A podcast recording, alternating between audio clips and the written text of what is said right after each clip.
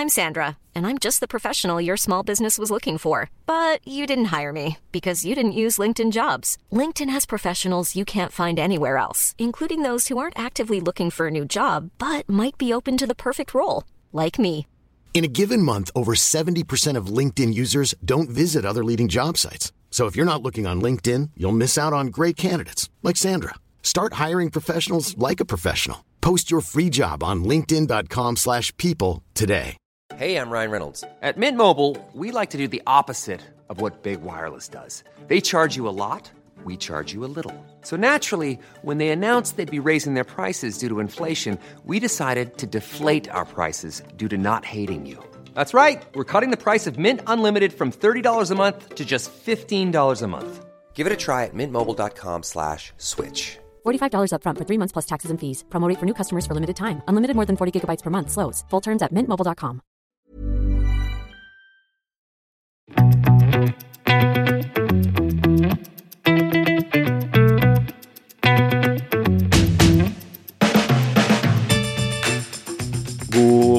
morgen, eller god lunsj, eller god ettermiddag, eller god kveld, uavhengig når du hører på. Eh, Du hører på Klokkelandslaget med meg, Nikolai, og vi har Jon Henrik på andre siden her. Og på andre siden av bordet, for vi sitter jo sånt, rundt et bord her, naturligvis, så har vi Per Eitrem. Eh, Hvis du ikke kjenner navnet hans, så kan det hende at du har sett nettsiden hans, eller klokkene hans, i det minste. Hvis du har vært på et NURK-møte, f.eks., så burde du kanskje ha sett vedkommende. Eh, Han driver jo noe som heter Antika, som er en sånn brukt eh, forhandler, kan man kalle det det.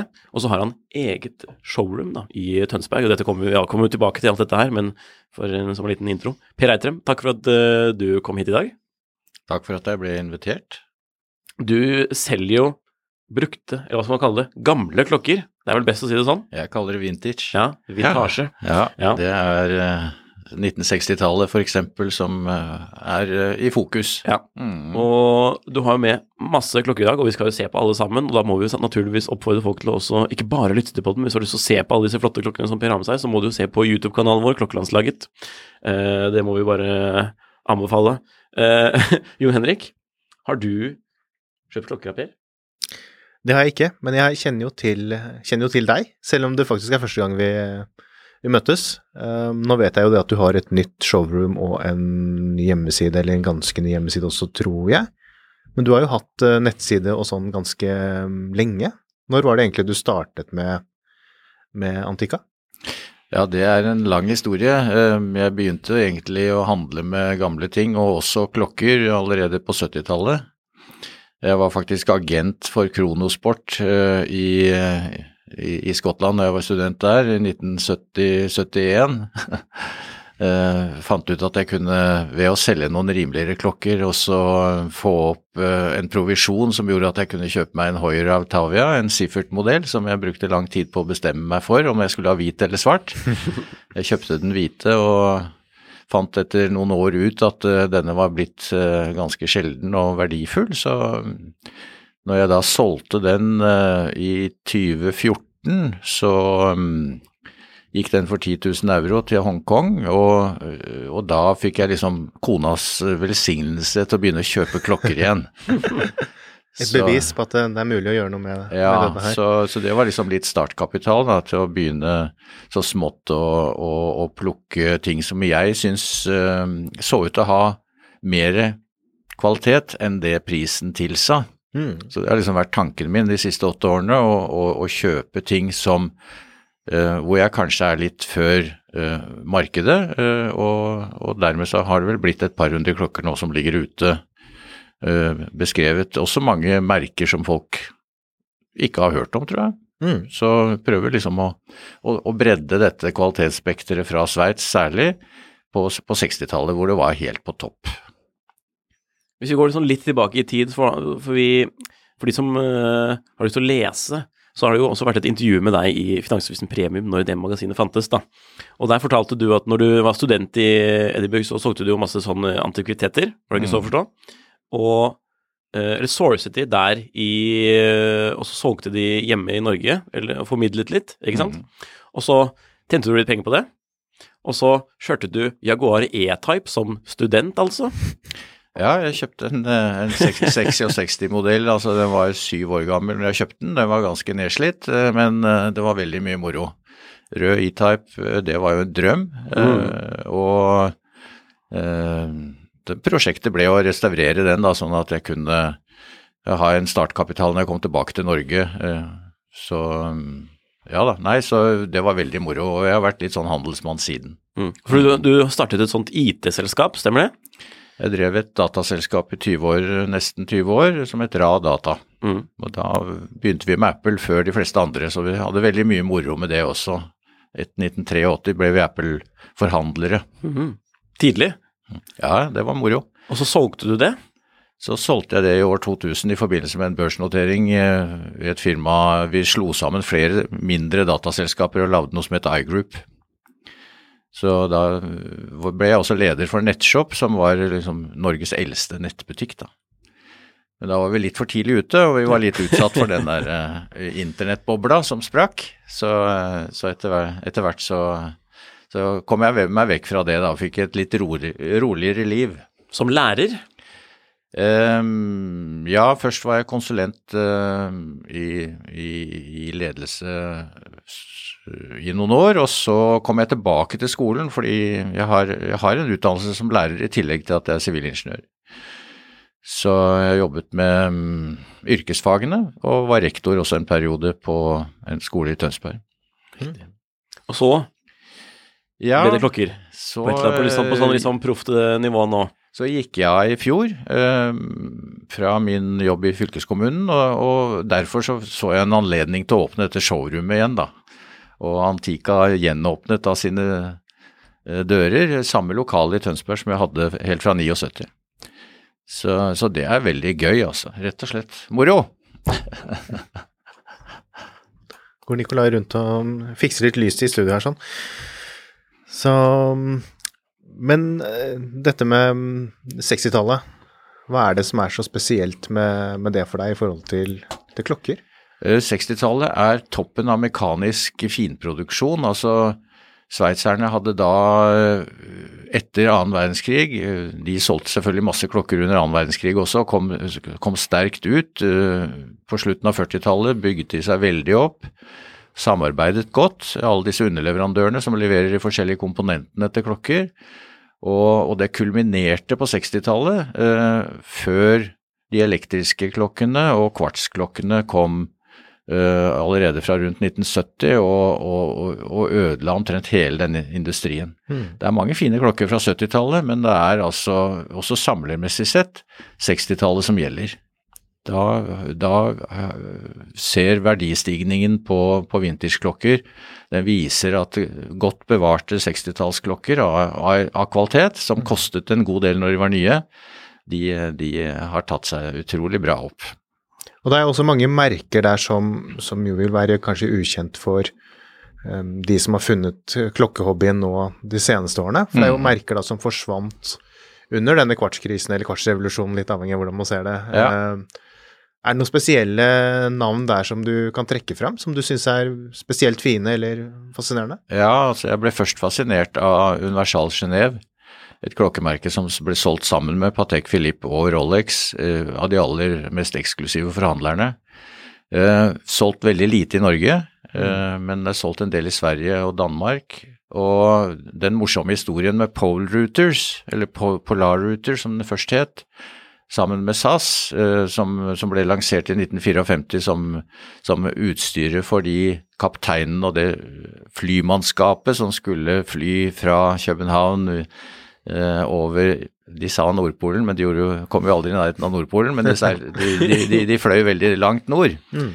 Og da var det jo magnetisk Nordpol, og det var mye hype rundt det. Så, så, så det er en veldig morsom sak med Universal Genéve.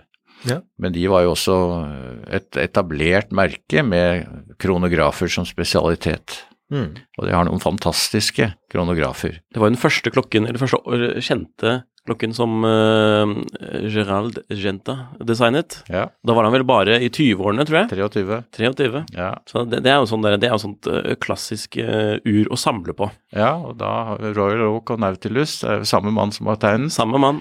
så de er jo navn som folk kjenner kanskje bedre i dag. Så Universal Genéve, og så er det et, et klokkemerke som jeg ikke har med noen eksempler på i dag, men som jeg gjerne jeg prøvde, å kjøpe en, jeg prøvde å kjøpe en kronograf i går som gikk for det dobbelte av den var anslått i katalogen, det var i Sverige. Det er Anycar. Anycar er et merke som er borte. De har noen veldig fine kronografer fra 60-tallet. Så det er et, et sånt merke som jeg også har sett på, som jeg syns er morsomt. Av de som er blitt eh, mindre, mindre av. Det har blitt, men Anycar er jo litt sånn, på vei tilbake, fordi nå, har du, nå har det, er det en sånn supersamler eh, som liksom har gjort mye research på merket, som har lansert en bok. Mm. Eh, og det gjør jo det er blitt mer sånn eh, eh, vitenskap på området, i store anførselstegn her, da. Universal Genéve finnes jo fortsatt. Men det er andre eiere, så det er jo ikke noe igjen av det det var. Nei. Men, ja, men er ikke det gjort noe tilsvarende med Det er gjort noe- kar, eller er det under et annet navn? Det, er under, det, det har ikke noe med Det er bare noen eh, versjoner av denne super-sherpaen Mm. som eh, og, og det heter vel Sherpa Watches. Det var jo for øvrig Ja, tipset om av eh, eh, jeg tror det var Sartina-sjefen som vi hadde inne her. Han mente han hadde sett Ja, de klokkene, og Og de var det ganske var fine. eh, ganske fine. Mm. Men eh, altså, å kalle det Sherpa Watches Jeg vet ikke hvor mye det, det, det Jeg tror ikke det er noe direkte connection mellom det er det helt gode ikke. gamle Enikar og det nye der, unntatt at, de, at det har denne superkompressorkassen da, som er litt sånn kul. Ja, og de har en fin nettside som beskriver hele historien eh, til disse superkompressorpatentene. Mm. Den eh, som ligger foran der, midt i denne romerkassesken, eh, den firkantede, den, den har den superkompressorpatentet, faktisk, som eh, også disse Enikarene brukte, og, og Zenit, Zenit Respi, Respiro, hvis noen kjenner det firkantede Zenit eh, ettertraktede kassedesignet. Men det er en klokke som, man, som, som du selger for øyeblikket, er ikke det? Det er en klokke som jeg holder på å legge ut nå, ja. Som, eh, Ja. Hvor, hvor, hvis man, eh, er dette noe man liksom har lyst til å samle på? Hvor, hvor mye må man betale? Nei, det er en sånn klokke som vil koste ca. 10 000 kroner, Mm. eh, ferdig eh, med full service. Mm. Så, um, så det er en, en, en typisk pris. Altså mellom 10 000 og 20 000 kroner er de fleste klokkene jeg selger. Mm. Så har jeg også en del klokker til 5000 og, og, og rundt der, men de selges da uten at de har hatt service. Ja. Men eh, går, og, og går sånn noenlunde ålreit. Ja. Eh, så da kan man jo velge å, å kjøpe en, en rimeligere en, og så er det jo veldig forskjellig hva folk vil. Altså noen vil bruke klokken en gang i året, noen vil bruke den en, en gang i uka, og litt avhengig av hva slags bruk folk tenker, så må vi også tenke på service. Fordi de die hard samlerne, de vil jo helst ikke at klokka skal røres. Det er som med mynter. Altså, det kan godt være akkurat sånn som det er. Det er mange som da vil si at hvis jeg skal bevare samlerverdien her, så, så, så skal jeg bare være veldig glad for at jeg har den, og så skal jeg ikke bruke den. og så er det andre da som, eh, som tenker eh, som tenker mer at dette er jo veldig morsomt å bruke, og de kjøper jo da f.eks. en Omega Constellation, Sånn piepan. en piepan med, med pent eh, Jeg vet ikke om du ser dette, eller dere Nei. ser dette, men, men her er det sånne add-ons som er veldig morsomme, fordi der er det en bruksanvisning for alle eh, de forskjellige eh, Omega-modellene uh, ca. 1966. Så da har du Seamaster 300, og du har Speedmaster og, og eh, en sånn menigmannsbeskrivelse av eh, hva Omega solgte. Og disse boksene her, de er altså en Constellation-boks som er i, i god stand, er, er nå etter min mening verdt 5000 kroner alene. Ja. Og da må vi igjen si det. Se på YouTube, altså, for her kan du se på alle de fiffige og rare boksene og klokkene. Så, men eh, når eh, folk eh, kommer inn på showrommet ditt da, eller ser på klokkene på nettsiden din, er det sånn at de pruter, eller? Eh, For er det, er det noen som norske- synes at det er dyrt? norsk- er det, synes det er billig? Norske kunder er, er veldig greie. De, de bestemmer seg fort, eh, og de skal enten ha eller ikke ha. Mm. Men utenlandske kjøpere, eh, da går det ti e-poster hver vei før de får bestemt seg. Så, eh, og, og det er mange som, eh, som ikke gjennomfører. Eh, Men jeg selger omtrent en tredjedel, og kanskje litt mer i verdi til utlandet. De, de, de mest avanserte klokkene, de dyreste klokkene for, som jeg ikke selger så mange av, men som drar godt på, på omsetningen, de, de har jeg solgt til utlandet. Jeg har også solgt en Hoier til Tag Heuer-museet. Gjennom auksjon? Eller var det den som ikke solgte på auksjon? eh? Det var den um, Rint-modellen, eh, en Valsjo 72 som ikke solgte eh, på en auksjon i London, men som, eh, som de, de ville ha fordi de gikk glipp av auksjonen. Og så, øh, når jeg var hos deg i Tønsberg og gjorde dette intervjuet, så fortalte du at man øh, at, du, at folk kanskje syntes at, at prisen var litt dyr der og da, så var det sånn at man, hvis man kjøpte den til den prisen da, så kunne man jo teknisk sett, gitt samme stand, eh, trade den tilbake til deg, og så da kan, til, for samme verdi. Ja, Ja. Er det noe som fortsatt er en litt sånn policy, eller? ja, ja absolutt. Mm. Absolutt, fordi jeg mener at eh, i hvert fall i, i, i det samme markedet da, som jeg regner at mitt showroom representerer, så, så, vil den verdien være i hvert fall den. I hvert fall den, ja. Eh, ja. Og så vil det selvfølgelig slå an forskjellig på forskjellige merker og forskjellige eh, trender, men, men det gjør jeg veldig gjerne. Mm. Erfaringen er jo noe motsatt, at de heller kjøper en klokke til. Apropos trender, da. Er det noe er det noe, I det markedet du opererer i, er det noen tydelige trender der nå, eller noe som har vært nå de seneste årene? Det, ja, det er, det er altså For fem år siden så var det bare stål. Folk ville ikke se gull. Mm. Men eh, det er, tror jeg er litt generelt at gult gull, det er litt tilbake. Ja. Eh, så mm, så gull, pene gullur som er litt, eh, lite slitt, de, de har li, litt bedre betingelser nå. Litt større interesse. Mm. Poenget med, med stål er jo at det, det slites ikke i forhold til andre metaller. Eh, så så det, det er jo trygt å gå for stål sånn sett eh, når det gjelder kassen.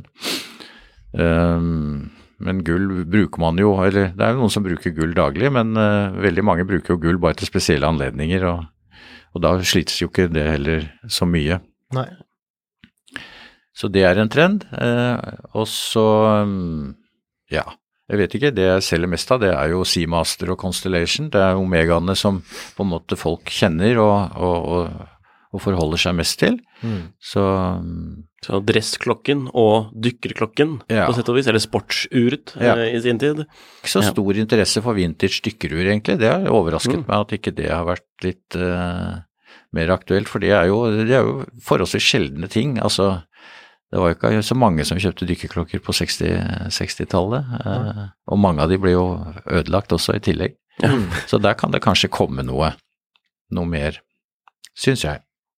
Vi ser jo nesten det at noen ganger Nå er jo ikke jeg så inne i eh, vintersmarkedet som dere to, men jeg har i hvert fall observert litt det som jeg syns har vært litt rart. Det er jo, Man ser jo ofte at klokkemerkene nå dags de relanserer en gammel uh, vintersmodell. Mm. Um, og, og det man ser nå, er jo ofte det at det er jo dyrere å kjøpe en, hva skal jeg si, en kopi, da, Mm. enn det er å kjøpe originalen. Mm. Hvis man i hvert fall beveger seg litt utenfor de mest sånn ikoniske modellene.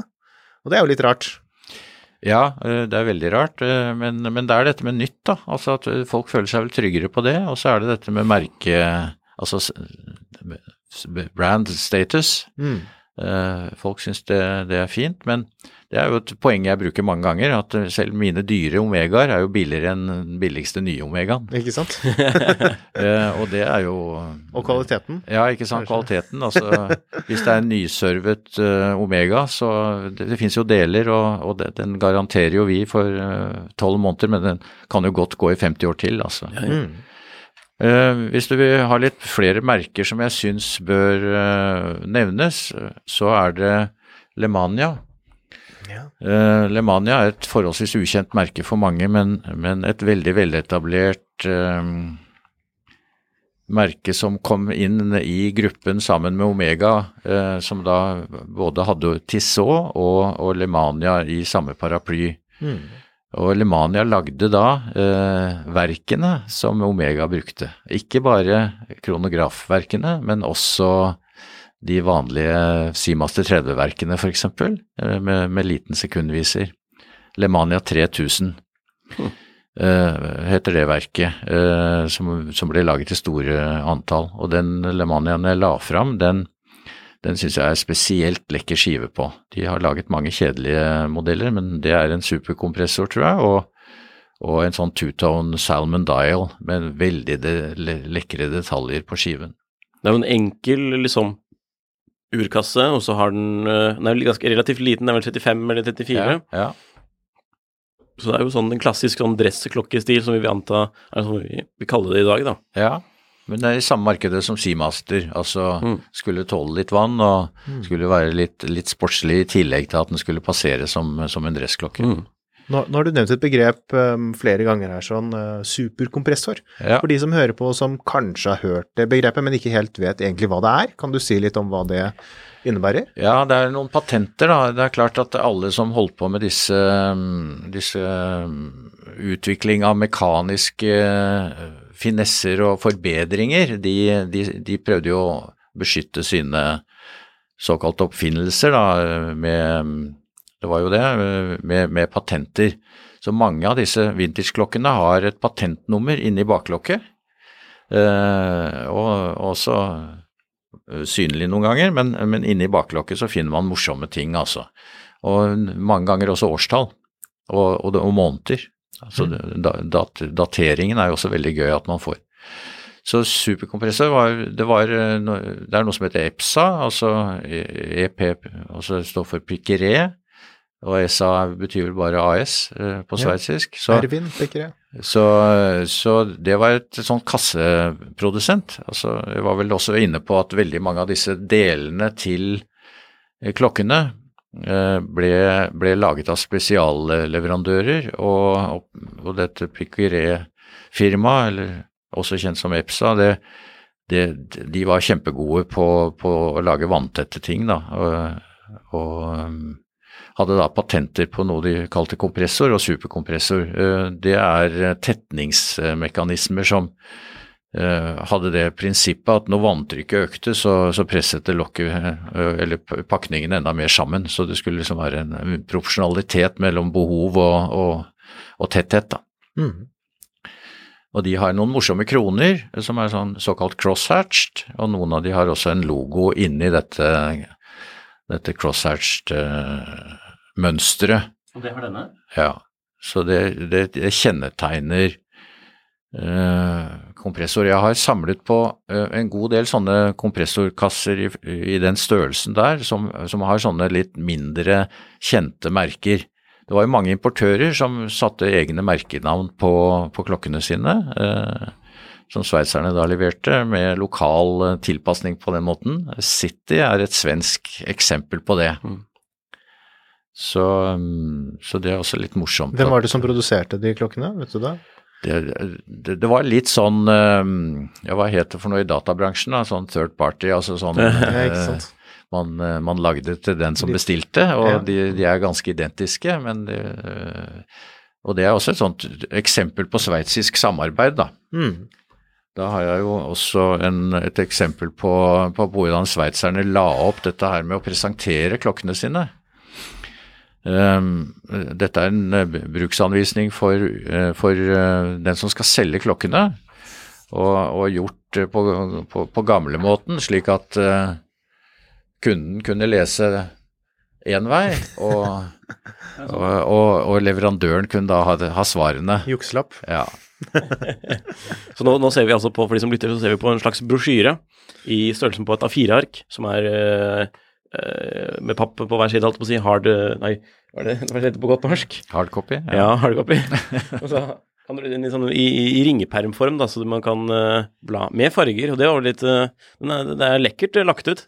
Det er ikke noen som lager sånn i dag. Eller unntatt Lagon Søne, kanskje. Ja. Nei, så eh, de var veldig flinke til å prøve å forklare, da, selv om eh, og, og, kundene var jo mer mottagelige for sånne type mekaniske forklaringer den gangen. Mm. Nå godtar vi jo bare at uh, mobiltelefonen vår gjør alt som en datamaskin gjør, og forlanger det, liksom. Men, men den gangen så var jo dette med, med biler og nye tekniske ting, det, det var veldig interessant. Mm. Det var derfor jeg ble ingeniør egentlig også, da, for jeg begynte å abonnere på bilblader jeg gikk på ungdomsskolen. Så Nei da, så eh, da måtte folk få vite da hvorfor det kostet litt mer, og hvorfor det da skulle være enda bedre. Så nå er vi f.eks. på en side her med eh, forklaring av en balansefjær, og så ser man hvor balansefjæren finnes på urverket, og så er liksom balansefjæren tatt ut og nesten skjelettert. Uh, ja, for, for, for, liksom, for, i hvert fall sånn man kan se den. Prøve å forklare ja, det, er, det, er. Det er vanskelig. Men det er et morsomt, morsomt opplegg, da. Veldig spennende. Men, mm. men, tror du det med det at de mm, hadde det fokuset, kan det ha litt sammenheng med det at rollen til klokkene var, eller til armbåndsuret var ganske forskjellig da og nå? For nå er det jo liksom Jeg pleier å si at selv om man kjøper en billig Daniel Wellington, så er det en luksus, luksusgjenstand, fordi det er ting man absolutt ikke har behov for i dag. For tiden den finner man overalt, og gjerne på mobiltelefon, mens mm. på den tiden så måtte man jo ha en klokke for å fungere i samfunnet. Mm. Og presisjon, at det er noe som både varer og, og, holder tiden godt, var kanskje viktigere? Ja da, det er helt klart at det var det. Og dette med eksakt tid, ikke sant. Urmakerne hadde jo da et kronometer liggende i vinduet, slik at folk kunne komme dit og stille klokken sin. og, og, og, de kronometerne de husker jeg godt fra barndommen, at de, de var fortsatt i bruk den gangen. og eh, en sånn fun fact er jo at marinekronometeret, som Forsvaret da brukte først i, i, i britisk marine, som et uh, uvurderlig hjelpemiddel for å kunne tegne nøyaktig kart, og for å kunne f.eks. ta og si at vi, Australia er vårt, vi vet hvor det er. Og det var mange andre som hadde vært i Australia før uh, Captain Cook, men uh, de hadde bare vært der, og de visste ikke hvordan de skulle finne det tilbake. De hadde bare dette fram eh, et eller annet sted. Så, så nøyaktig tid uh, var utrolig viktig i mange sammenhenger. og eh, en fin klokke var jo et, absolutt et statussymbol uh, som folk prioriterte ganske høyt. Mm. Ready to pop the question? The jewelers at BlueNile.com have got sparkle down to a science with beautiful lab-grown diamonds worthy of your most brilliant moments. Their lab-grown diamonds are independently graded and guaranteed identical to natural diamonds, and they're ready to ship to your door. Go to Bluenile.com and use promo code LISTEN to get $50 off your purchase of $500 or more. That's code LISTEN at Bluenile.com for $50 off. Bluenile.com code LISTEN. Hiring for your small business? If you're not looking for professionals on LinkedIn, you're looking in the wrong place. That's like looking for your car keys in a fish tank.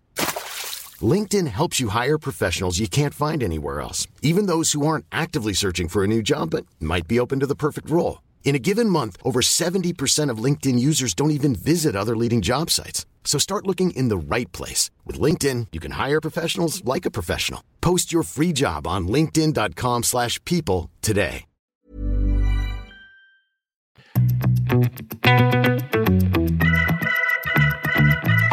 Det som er litt morsomt da, når man kommer inn i, hvis man, hvis man er i showroomet ditt, så er det, ikke, det er jo ikke bare klokkeklokker der. Du har jo også Eh, ikke bare armbåndsur heller. Altså du har lommeur, og så har du alle Du har jo masse sånn stæsj, om jeg kan kalle det det. Altså litt sånn vintage-greier, litt sånn brosjyrer. Og så har du Mange av de klokkene som du har med i dag også, har jo de originale boksene og brosjyrene, som er sjeldent nok i seg selv, når det liksom handler om klokker fra 50-, 60-, 70-tallet. Så er det sånn der man kommer i sånn, sånn litt sånn egen sånn mekanisk verden. Uh, det, det, tikker jo ganske mye i sånne gamle klokker der. Mm. Liksom, men ingen gjøkur, da, så det Nei. Bevare meg. Ja. Ja da, nei, så, så, det er jo et uh, poeng. Og apropos trender og liksom hva vi kan uh, vente og, og, og, se kanskje litt mer av, det er at uh, menn syns jo det er morsomt med en bunadsklokke, f.eks. Uh, og noen lommeur syns jeg er morsomme og, og vil verdt å ta vare på, særlig de som er slanke, kasset inn med, med stål. og og, og, og, som er pen i design, altså. Og der er jo tilstand også bestandig avgjørende. Det der er et omega som vil vises fram nå, det er et, et omega waistcoat, altså et, et slankere ur enn et tradisjonelt lommeur. Og denne ble jo produsert på en tid hvor lommeuret var på vei ut, Ja. for å si det sånn. Mm. Og den er veldig slim. Ja. Eh, Typisk beregnet på en, en vest, altså en, en three-piece suit. for en ekte gentleman. Ja. Okay. og det er, ikke, det er ikke noe sånn, det er ikke gigantisk og, og tykk, sånn som en sånn jernbanelommer som liksom er kjent med fra bestefars skuff, på en måte. Nei. Men den er litt, mer- litt mer sånn eh, Den er veldig raffinert og fin. De her er jo litt sånn Det er jo noe som samler, samlere liksom er interessert i å se på, versus liksom de store, eh, mer vanlige lommerne da, fra Ja. tiden hvor lommer var mer vanlig. Mm. Men så igjen er det stål som gjelder. Altså nikkel og gull eh, eh, og, og krom og, og disse tingene, de blir jo slitt. Den der er jo Jeg mener at den ser ut som den er ny. Og, og det er tilstand er alt. Eh, det er mange simastere ute eh, fortsatt som lever, men eh, det er færre av de som er strøkne, for å si det sånn. Ja. Hvor mye går et sånt lommeur for, da? Ja, med den eh, innpakningen det har, så, så vil nok det komme opp i eh, 15 000. Altså det er altså for et komplett sett. Ja, Sånn det i, sammenlignet med andre ting, altså Ja, du får ikke noe Rolex for det, på en måte. Nei, men, og er vi- det er minst like spennende. sånn det. Hvis vi skal være litt mer på, på, på lommeur, da, så, så er jo dette som jeg viser fram nå, det er et, eh, et sett som det danske militæret har merket ganske elegant med Søvernet på utsiden. Eh, og så syns jeg det er spesielt morsomt fordi eh, det er bare Hoier inside. Eh, så det er stoppeklokker og, og to eh, kronografer eh, som, som er antagelig fra rundt først, annen verdenskrig. Altså kanskje litt før, kanskje litt like etter. Eh, Så sånne sett og ting som hvis du snur en av kronografene der, så, så ser, ser vi også at det er, det er militærmerking på, på alt sammen. Nummerert og, og, og bestemt. Så dette med militær eh, tilknytning, det er også morsomt. Og, og da, hvis man skal samle litt rimeligere ting, så, så er jo stoppeklokker med eh, litt forskjellig eh, dekor, eh, syns jeg er morsomt. Det er forferdelig mye stoppeklokker ute og går, og de fleste er veldig simple og, og, og uinteressante, men, men det er noen av de som er interessante fordi de har et eller annet eh, som mengden ikke har. Er det noe Kule, altså. samlermiljø eh, å snakke om liksom på, på sånne ting i, i Norge, eller er det Det er eh, Nei, det kan jeg ikke si at det er. Det, er- folk samler jo på lommeur, og- men, men det, det mener jeg Hvis vi skal snakke om hva jeg tror kommer, så, så det å så åpne verkene på disse lommekronografene f.eks., det, det, er jo, det er jo vakre verk. Og de er mye mer tilgjengelige enn et eh, kronografverk i en, et armbåndsur. Altså, hvis du åpner et armbåndsur, så, så bryter du på en måte forseglingen og, og, og utsetter det for, for at uh, pakningen kan bli skadet og sånt, mens et, uh, en, lommekronograf kan du åpne så mange ganger du vil og, og, virkelig nyte og, kanskje forstå mekanikken bedre, fordi det er litt større dimensjoner. Så, så det, det er en ting jeg har um, forventninger om at vil, eh, vil øke interessen for. Så lommer på vei tilbake, altså. Du, du hørte det her først på klokkelandslaget. Det, er, det er kjempespennende å se på det her. Jeg må bare, jeg må bare drive og fikle litt. Får jeg lov å trekke den opp og sånn? Ja, ja. Så kan jo folk høre på. Bare, det er jo hyggelig å høre på.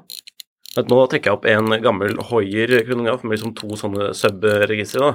Og så har den flotte tall. Jeg får, jeg får litt sånn universal Genéve-følelse på utformingen her. Ja. Det er ikke helt feil, det. Nei.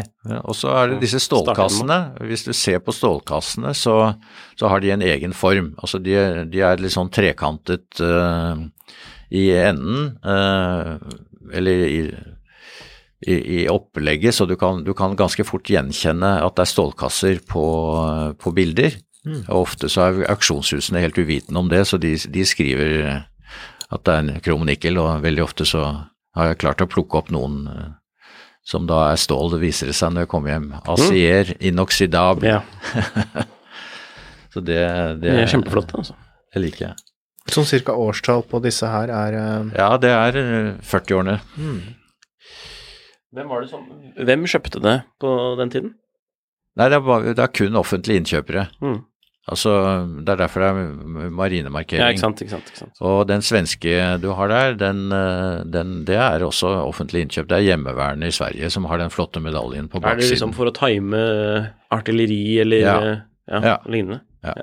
Og så er det selvfølgelig idrettsformål, altså Ja, ja. treningsformål. Det er spennende. Eh, klokker som har litt i norsk interesse, skulle sagt litt om de kanskje? Eh, Tor Heyerdahl? Det må vi gjøre. Mhm. Tor Heyerdahl, Og da kan man bare gjette. Har det noe med Kon-Tiki å gjøre? Det kan hende. Det kan hende.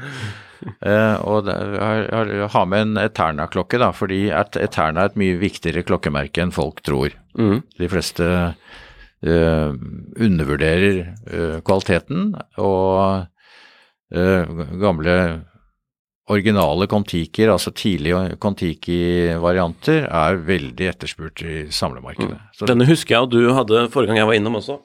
Det er en klokke som jeg liker veldig godt. Det er jo de var jo, Men eh, du forteller litt hva som er bra, eller spesielt med Ternan. Det er jo at de var tidlig ute med automatisk opptrekk. ja, Og disse, også logoen er jo fem sånne Hva heter det? Um, kuler. kuler, ja. Uh, Kulelager. kulelager. Hjertelig. Så det appellerer til en ingeniør, vet du. Og det som gjør at Altså, Tor Heyerdahl eh, er, er sagt å ha brukt eh, Eternar på flåten. Han har i hvert fall da eh, på en måte tillatt sitt navn bli brukt. Eh, Så Kon-Tiki lever vel fortsatt enda, tror jeg, på Ja. nye modeller. Ja. Om de fortsatt har en lisens, eller om den har gått ut, det vet jeg ikke. Men i hvert fall så er Eterna Matic, det verket, det er jo, så vidt jeg har forstått, eh, ETA-verkene. Altså bakgrunnen for ETA er vel en forkortelse av Eterna. Det stemmer. Og eh, hvis man ser på veldig mange av moderne automatikkverk, så er det jo bygget opp på samme måten som eh, eh, et E- Eterna Matic-verk. Veldig kult. Den sånne klokken vi ser på nå, det er jo en i denne Kon-Tiki. Det er sånn, Man kan jo si at det er en litt sånn Altså, i dag så ville det være en dressklokke på den tiden med sporty, Mm. men litt sånn, men, uh, med litt sånn fine former på, på kassen i stål, som er 38 Nei, 37. 37, tror jeg. Ja. Ja. Mm. Og så står den på en, uh, vi vil anta, flott Guy Freyr-lenke. Nettopp. Eh, Ikke minst. Eh, Ikke minst. høre- man, alle kan jo bare høre det. Men altså, du, når man hører den lyden her, så hører man også hvor behagelig den er på armen, eh, vil jeg anta. Den er så flott med litt sånn Det er ikke Beads of Rice, men, eh, ganske, men nesten. Ja. Hvis det har vært litt mindre. Ja. Ja. Den er flott, den, altså. Og så en annen fun fact er at jeg har en, en annonse fra eh, 1967 som viser akkurat denne, denne klokken på armen til en, en vakker dame. Det er Playboy-annonse, uh, no less. uh, og, og der hadde de også en damemodell, da. Så, så, så det å finne gamle klokkeannonser um, det er kjempegøy, fordi de har, inneholder jo masse informasjon, og Eh, og, og de er ofte dekorative når de er fra Mad Men-perioden. Eterna er et merke som fortsatt eksisterer. Det har jo byttet tenner en del ganger, og nå er, tror jeg det er en er det en kinesisk investorgruppe eller noe som eier det, tror jeg.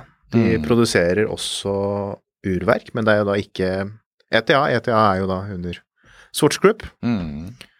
Um, Lemania, som du var inne på tidligere, det finnes jo heller ikke lenger som klokkemerke, men det er en del av Breguet, hvis jeg ikke husker feil. Ja, nei, de, er, er, eh, eh, de kronografene de, de lagde noen automatiske kronografer etter hvert, og de, de har jo da overlevd i, i, i flere sammenhenger. Til og med. Patek, eller Patek, Patek, ja. har jo brukt Ja. Lemania inntil Mm. ganske nylig. Ja, det er ikke så mange år siden. Nei, det var ikke så mange år siden de fikk sin Det det. første Så det er jo samme verk, men det er veldig forskjellig finish. Eh, Finish, og- ja. Finishering. Ja. det skal sies. Men denne Thailand, da, hvor mye vil en sånn gå for på nettsiden din? For den, er, den ligger vel ute, tror jeg? Den ligger ute, Mm. hvis, jeg ikke husker feil, så er det et sted rundt 25 000. Mm. Så den, den var veldig kul, altså. Det tror jeg er et, et veldig godt investeringsobjekt, egentlig. Fordi den har den er, Det er en tidlig variant, eh, og Den er med original lenke.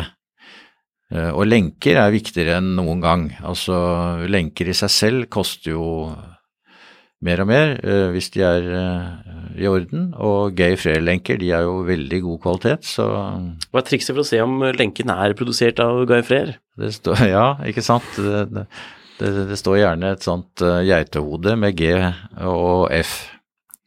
G og F på hver side av et sånt dyremotiv. dyremotiv. Og mange gay Frere-lenker er også datert. Da står det et uh, tall mellom 1 og, og 4 foran et årstall. Så det er 1,67 for eksempel, betyr første kvartal 67. Så, eh, så den eh, sporbarheten som ligger i, i mange av disse klokkene, det gjør det ekstra morsomt. Veldig mange av de har jo serienummer også, og kalibernummer. Og, um, for de som samler uh, mer systematisk, så betyr jo sånne detaljer. Det som er spesielt med Romer, som vi ikke sa i stad, den, ligger kanskje fortsatt eh, i bakgrunnen der, Det det, er at eh, de fleste klokkemerkene hadde jo gått over til tritium som lysmasse eh, på 60-tallet, mens Romer var en av de få, veldig få merkene som brukte prometium.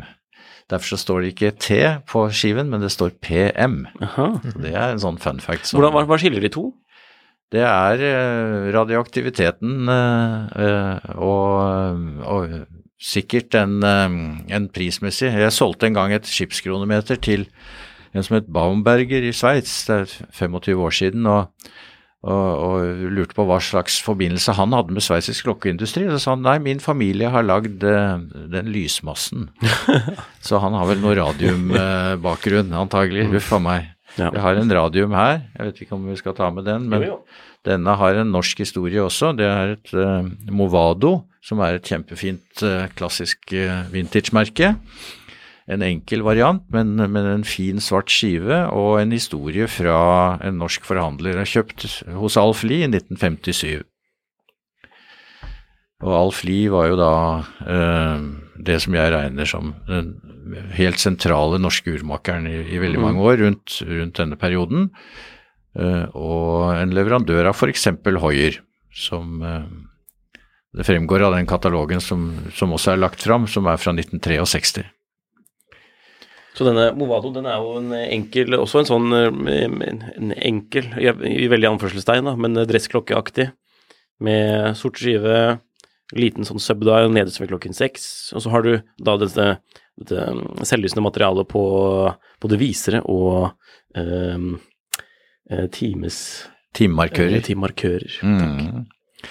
Så må Og det- være var et lukter- kvalitetsmerke. Lukter sånn, det lukter eh, sånn, eh, sånn liksom at, det er, at de har noen år på baken. Det er, det, er sånn, det, er sånn når man, det er som når man går bort til en veteranbil noen ganger, og så kan du bare lukte oljen. Det er ikke noe lukter man ikke olje fra klokken her, da. Det liksom lukter litt sånn bensin, olje, det lukter litt sånn gammelt skinn. Ikke sant? Det er sånn, sånn god stemning. Ja da, nei, men eh, Movado, gamle Movado skal man være veldig uh, interessert i. Så, så det er et eksempel der. Kan du f.eks. finne referansenummer mellom uh, remfestene. Ja. Og det er også noe du finner på disse Hoier-klokkene. Ja, for den, du har jo en veldig kul og spesiell uh, Hoier her som vi Vi må jo se på den nå. Altså, det er jo en klassisk sånn som uh, mange har lyst på, om man kan si det sånn. Det er en Autavia med Er det sånn svart skive. svart skive. Ja, det er en Viceroy, ja. Det er det. Jeg angrer på Jeg skulle hatt med annonsen, men nå er det vel kanskje mange som har sett den. Men i hvert fall så er det en annonse fra 1972 hvor uh, Hoier eh, eh, skulle prøve å få opp salget i USA, og, og gjorde en avtale med en sigarettleverandør som, som sa det at hvis du, hvis du kjøper en pakke av våre sigaretter, så får du denne Hoieren for 88 dollar istedenfor istedenfor 200. Det er jo vesentlig. Ja, så det ble en kjempesuksess for Hoier, eh, og tross den lave prisen så, så tror jeg det var et, et, et løft da, på begynnelsen av 70-tallet. Det er en annonsekampanje som gikk i Life og i Car and Drive, Sports Illustrator og rundt omkring, og Playboy ikke minst. Eh, Så hvis det er noen som samler på Playboy, så er det augustnummeret 1972. Da kunne du altså få en eh, Hoier til 88 dollar Ja. istedenfor 200. Det er det er jo stort uh, avslag. Det er dumt at ikke noen gjør noe sånn nå, da. Bare med, kanskje ikke med sigaretter. Kanskje med champagne? Kanskje med champagne, ja. Kjøp en Dom Perignon og få halv pris på din neste Vet ikke hvilket merke som ville gått sammen med uh, Audemars Piguet. Ubla. Ubla. Må ikke disse hublåene, vite på at en, Moet. Kjøp en flaske en Moet. og Moët, ja. Det hadde vært noe. Nei, men den her er jo kjempekul. Dette er jo da en Autavia eh, med sort skive, og så har du de flotte røde eh, den, Den flotte røde sekundviseren, og så har den røde tipper på time- og minuttviser, og samt eh, timesmarkørene. Eh, og så har den denne cushion eh, cushion case-formen, altså puteformet kasse, kan man si det? Eller C-formet kasse, som noen også kaller det. Eh, kjempekul. 42 millimeter, så den er stor til å være fra den Så den har et moderne uttrykk, for så vidt. Det er jo ikke så rart. Altså, uh, Tag Hoier nå, da, har jo laget noen lignende sånne re-issues, men ikke akkurat sånn her. Så det er jo litt morsomt. Ja, for øvrig så må jeg Jeg kan ikke dy meg, men jeg mener at alle disse re-editions, det er fake news. Ja. Så nei, men det som også er spesielt med den, da, for de som ser den på, på, På skjermen. på bildet, eh, det er at den har desimal eh, bessel. Eh, Og det er ikke en Viceroy, men den, er, den har altså alle elementene på skiven som du beskrev, og viserne som, som er Viceroy, men den er ikke markert 1163V, som Viceroy eh, var. Så dette er en Post-modell, Det er litt senere. Og så har den desimal bessel. Så en Hoier-samler eh, i Danmark, han, han eh, forhandler veldig for å få denne her. Han har masse, masse Autaviaer og er spesialist på verdensbasis. Den der decimal bessel, det, det syns han var virkelig sexy på akkurat den der. Gøy. Store forskjeller. Vi har et sånt lite segment i podkasten hvor vi ser hva slags klokker vi rundt bordet har på håndleddet, en såkalt wrist check på, på godt nynorsk. Um, du har jo ikke klokken på deg nå, men du kommer jo med denne klokken her, som jeg legger eh, på skjermen nå, som er en slags regattaklokke. Eh, kan du fortelle litt om den? Yachttimers uh, har vært eh, populære um, i veldig mange år, og jeg har også med et eksemplar som kanskje er fra før krigen, uh, annen verdenskrig, og da eh, er jo hemmeligheten når man seiler, og, og jeg driver og seiler regatta, senest gjorde jeg det i går her i Indre Oslofjord, og eh, med en båt fra 63 for øvrig. Men eh, da er jo starten eh, veldig, veldig viktig, og når vi er mange båter eh, ved startlinjen, og eh, litt gamle båter som er litt trege å manøvrere, så, så må man jo passe seg, og, og så er målet å treffe startlinjen når skuddet går, eller akkurat etter fem minutters eh, Ja, du starter klokken når det er fem minutter igjen, og kan da telle ned med disse røde prikkene som eh, som eh, kommer fram etter hvert, eh, slik at eh, det, det er en veldig brukbar klokke. Skal vi se om vi får den til å starte her. Bare starte med venstre, ikke sant? Eller På toppen. Ja, den har, den har liksom gått halvveis av de fem, fem minuttene, så, så disse fargeflekkene de endrer da seg etter som tiden går, så det er veldig lett å se. Ja, eh, så etter fem minutter vil den være helt Altså er det to og en halv minutt nå, da, så vil den være helt rød. Etter fem minutter er den helt rød. Og eh, det, det andre regattauret som vi har med oss, det kan jo kanskje sammenlignes, da. Det er jo i, i prinsippet en, eh, en stoppeklokke som er bygget om til eh, til eh, å bruke på armen, og som, som da er countdown. Altså en vanlig stoppeklokke teller jo fra null og opp, men denne her teller fra 60 og ned. Eller fem minutter på den også. Men, Også for regattaer, da. Ja. Har den, har den noe, er den litt sånn vanntett? Eh, Den jeg bruker til vanlig er jo en forholdsvis moderne klokke. Den er fra 80-tallet. Den eh, har et automatikkverk, og, og den har vært hos uh, Simen eh, i urtjenesten og fått overhaling og, og ny pakning, så den regner jeg med holder en stund til.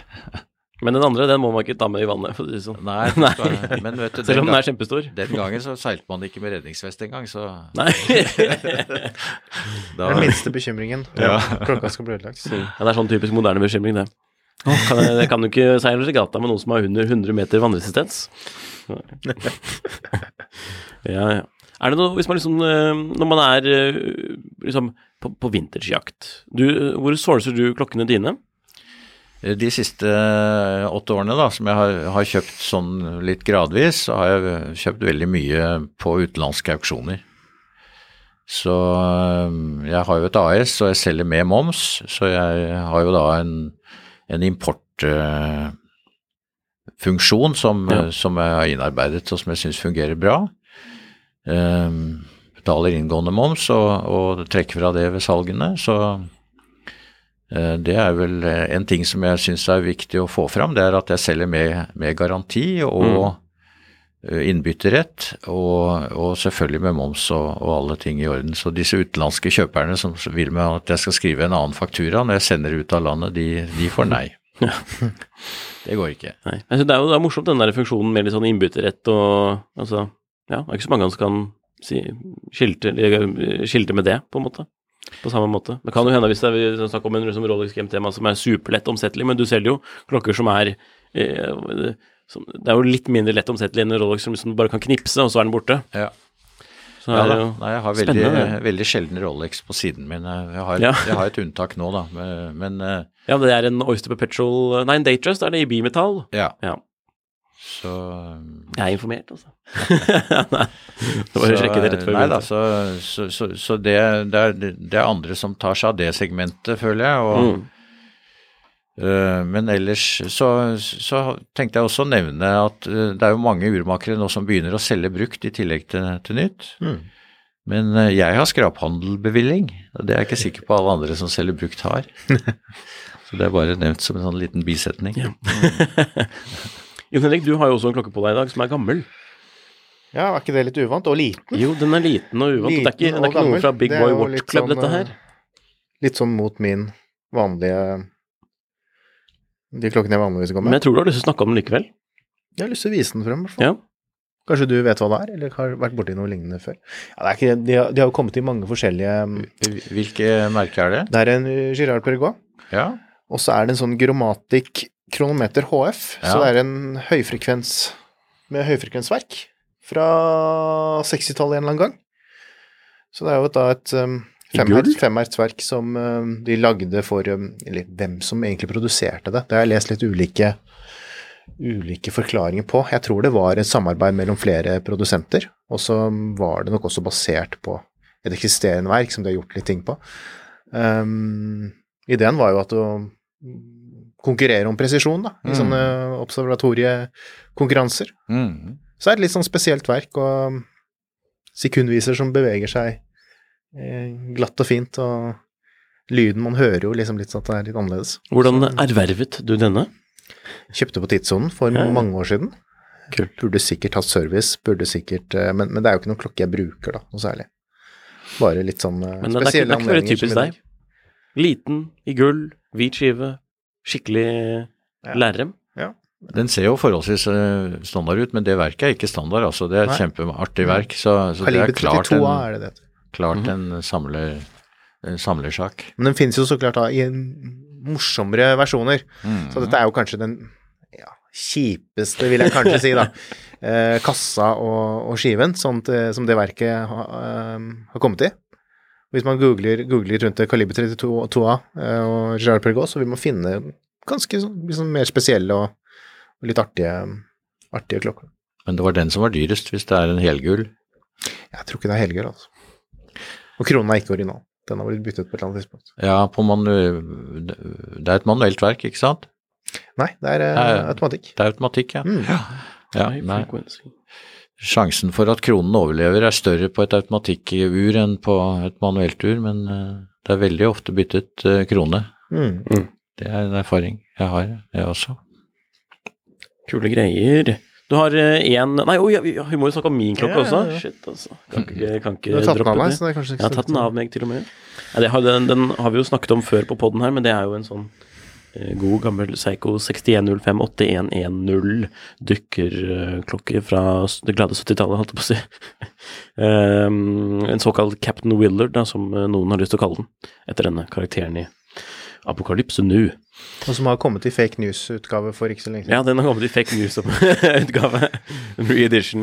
Uh, urkassen finnes jo nå ganske dypt inne i Psycho-kolleksjonen, i flere modeller og flere re-editions. Vi Ja, det er, altså, vi har jo snakket om den før. Nei, men jeg liker den gummiremmen, altså, den er praktisk om, om uh, sommeren. Men denne klokken er jo sånn der, den har jo en sånn der veldig sær krone, som er først at du at det, altså, Den låses ved å ved å tviste. Ikke, ikke, ved å skru den inn, men ved å tviste på den, på sett og vis. Du trykker inn, og så tvister du, og så er den uh, låst. Bajonett? Uh, faktisk. Noe lignende. Mm. Så Men uh, Psycho designet inn liksom vannbeskyttelsen inn i denne, men ikke sånn at man Altså gummiringene, da. Så, men man kan ikke bytte O-ringene uten å bytte hele kronen. Så ja, jeg dykker jo ikke med den. Det er noen amerikanere som har funnet på en metode, metode å gjøre dette uten å bytte kronen, da, så hvis folk er interessert i det. Men uh, klein winter shorts, by the way. Hvis noen har en sånn og har lyst til å bytte O-ring. Mm. ja. Ja. Men du har noen siste klokker med deg her, eh, Per? Der, ja, jeg ser Omega. Ja, dette er jo en Omega som mange har sett som heter Kronostopp en Genéve Kronostopp. Eh, det som gjør at jeg tok den med, det er at den har original mesh-lenke. Og den, den har et, en, en, historie for en av de første Omegaene jeg kjøpte. kjøpte jeg i Danmark. Det var en Genéve, og den hadde den lenken på som, som, ikke passet. Og um, vi lurte veldig lenge på hvorfor i all verden den ikke passet, og vi syntes den var så rar at den passet jo ikke den andre Omegaer heller. Men så leste jeg på Dinky da, en gang for noen år siden at uh, ja, den har referansenummer 27 eller noe sånt nå, og, og, er da spesiallaget til nettopp denne uh, hmm. urkassen. Mm. Uh, og fordi lenker kostet litt ekstra, ikke så veldig mye egentlig, uh, og fordi mange mente at det var, bedre med, skinnremmer, eh, som da slites i løpet av noen få år, eh, så, så, kjøpte de fleste disse urene på den tiden uten, uten lenke. Mm. Så den lenken er kjempesjelden, rett og slett. Eh, så det er, det er et eksempel på Hvis du får lenke med som er i god stand, så, så, så, så kommer jo ikke de til meg sammen, men uh, noen ganger så går det an å være litt heldig og så finne uh, noe som passer da. Så jeg lette lenge etter den uh, kronostoppen for å finne en som jeg syns matchet lenken. Det er også enda en sånn klokke, litt, litt sånn det som vi sier i dag, litt sånn 70-tallsaktig design, med ja. denne C-formede eller puteformede kassen. Og så har den en sånn morsom stoppeklokkefunksjon som bare teller sekunder, rett og slett. Ja, og bare ett minutt. Mm. Så det er en Seamaster-versjon, og det er en Genéve-versjon, og de er kjempefine egentlig, syns jeg. Og et par Omega-modeller, altså Kronostopp-modellene, de mener jeg har et potensial oppover, hvis de er i god stand. Mm. Som alltid ellers. Og denne vil gå for? Eh, med, med, lenken, ja det husker jeg ikke helt, men jeg, jeg tipper at det er rundt 25. Da er det også enda flere klokker. Altså det er det, Dette er jo bare et lite utvalg av, av det store utvalget, men det er jo morsomt. Det her er også enda en sånn derre Jeg har veldig lyst til å si 70-tallsdesign. Ja, dette er, dette er 70-tall. Uh, eh, og um, dette er, tok jeg med fordi Bulova er jo kjent som den som på en måte tok, tok et marked fullstendig, og som Omega bl.a. lisensierte. Eh, det var disse elektriske urene som eh, F300 hertz, eh, som kom på slutten av 60-tallet, og som Omega da kjørte en, en periode, og med stadig høyere frekvens. Det er flere modeller der, men, men denne Bulovaen, som er laget i Sveits, selv om det da er et amerikansk utgangspunkt, den, her, den er eh, så fullstendig utypisk andre klokkemodeller øh, i utseende, og at den har et automatikkverk. Og akkurat denne klokken er øh, så godt som ny. NOS, OS, New Old Stock, tror jeg. De har jo vært håndtert, selv om de aldri har vært solgt eller kanskje brukt regelmessig. Men da ser man på baksiden at det er en sånn lakk eller en sånn lapp eh, som, som, på en måte var tegn på at eh, den var, skulle være ubrukt. da. Det er vanskelig å vise kamera, men det ser ut som en sånn veldig tynt lag med nesten voks, gjennomsiktig, men litt farget voks Ja. på baksiden. da. Ja. Eh, Hvordan skal vi beskrive denne klokka? Den, altså, kassen er jo formet som at noen har satt seg på en sånn, der, på en sånn, på en sånn treningsball uh, og liksom skviset den litt ned. Så det er liksom sånn uh, Hva kaller man det? Oblong? Ja, det, er jo en, ellipse, men den, Ja. eh, den, er, den er rar i alle retninger. fordi du, du ville tenke deg en ellipse var eh, sånn som Patek er, at den er liksom Mm. smalere og heller høyere. Men den her er jo breiere og, Ja. og lavere, og så, så har den en ellipseformet kasse, og så har den en, en, en skive som er liksom i to deler, hvor den innerste ja, ved førsteinntrykk kanskje ser rund ut, men så ser du litt nøyere etter, så er den ikke helt rund, men den er mindre ellipseformet Ja. Litt sånn plommefarget. Ja, Ja. og så har den jo det, det, det Den har vel både dag og dato, og så Mm. har den eh, noen sånne såkalte diamanter da, eh, som kvartal, nei, kvartermarkører. Og en originallenke som, eh, som Så det er liksom Integrert. Ja, det er en, det er en pakke som, som henger sammen, Mm. og som er eh, Det er en gøyalt. Jeg syns er morsom. Ja, det, man ser ikke som, det er ikke sånn man ser mye av på, liksom, på Instagram, på en måte, på, på de store kontoene. Men det er jo det er fiffige greier. Artig, altså. Og en sånn går for Ja, si det. Eh, Jeg kan jukse og se. Nei, det Ja, nei, så jeg Fordi jeg har såpass mange liggende ute, så må jeg støtte meg til Eh, nettsiden. 8750 kroner. Oi, det var billig. Mm. Ja, men, det må jeg sette opp. Ja, men det er gøyalt. Vi har nådd uh, slutten på episoden, altså. Hvis du føler at du har fått uh, snakket om hvert fall det du vil gjøre i første omgang, skal jeg naturligvis få lov å komme tilbake. Det heter jo Klokkelandslaget av en grunn, sånn at uh, vi kan jo få våre egne spillere. Eh, og da må jo, jeg tror Per må spille spiss, altså. Så han får, øh, så får tatt øh, klokken i nettet. Og jeg vet ikke. Det var en sånn halvveis passende sammenligning. Men eh, ja, takk for at dere lytter på, og beklager. takk til Per som kom. Eh, dere må jo sjekke ut da antika.no, eh, som er nettsiden hans, og så er han også på Instagram, da, og e-post og telefonvarianta. Så eh, Jeg vet ikke om du har, mye, du har mye gamle ting på kontoret i Tønsberg, men jeg vet ikke om det er faksmaskin der, så vi kan ikke nå deg der. Det kan du ikke. Nei. Men uh, telegram, det er lov, da. Det ser jo tidsriktig ut. Nei da. Men uh, takk for at du kom. Tusen takk.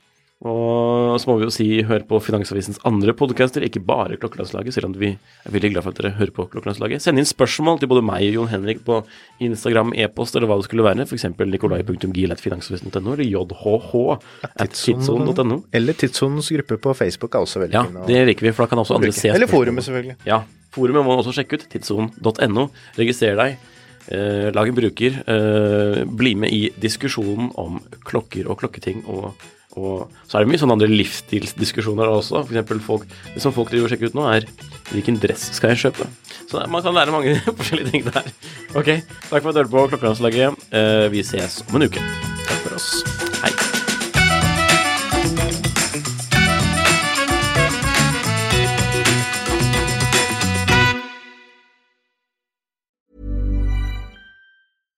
Mom deserves the best, and there's no better place to shop for Mother's Day than Whole Foods Market. They're your destination for unbeatable savings, from premium gifts to show-stopping flowers and irresistible desserts. Start by saving 33% with Prime on all body care and candles. Then get a 15-stem bunch of tulips for just $9.99 each with Prime. Round out Mom's menu with festive rosé, irresistible berry chantilly cake, and more special treats. Come celebrate Mother's Day at Whole Foods Market. Planning for your next trip? Elevate your travel style with Quince. Quince has all the jet setting essentials you'll want for your next getaway, like European linen, premium luggage options, buttery soft Italian leather bags, and so much more. And it's all priced at 50 to 80% less than similar brands. Plus, Quince only works with factories that use safe and ethical manufacturing practices. Pack your bags with high-quality essentials you'll be wearing for vacations to come with Quince. Go to quince.com slash trip for free shipping and 365-day returns. Klokkelandslaget er en Finansavisen-podkast i samarbeid med Tidso. Programleder er Nicolai Giel og Jon Henrik Haraldsen. Produsent er Lars Brenden Skram. Podkast- og videoansvarlig er Marius Mørk Larsen. Og ansvarlig redaktør er Trygve Hegnar.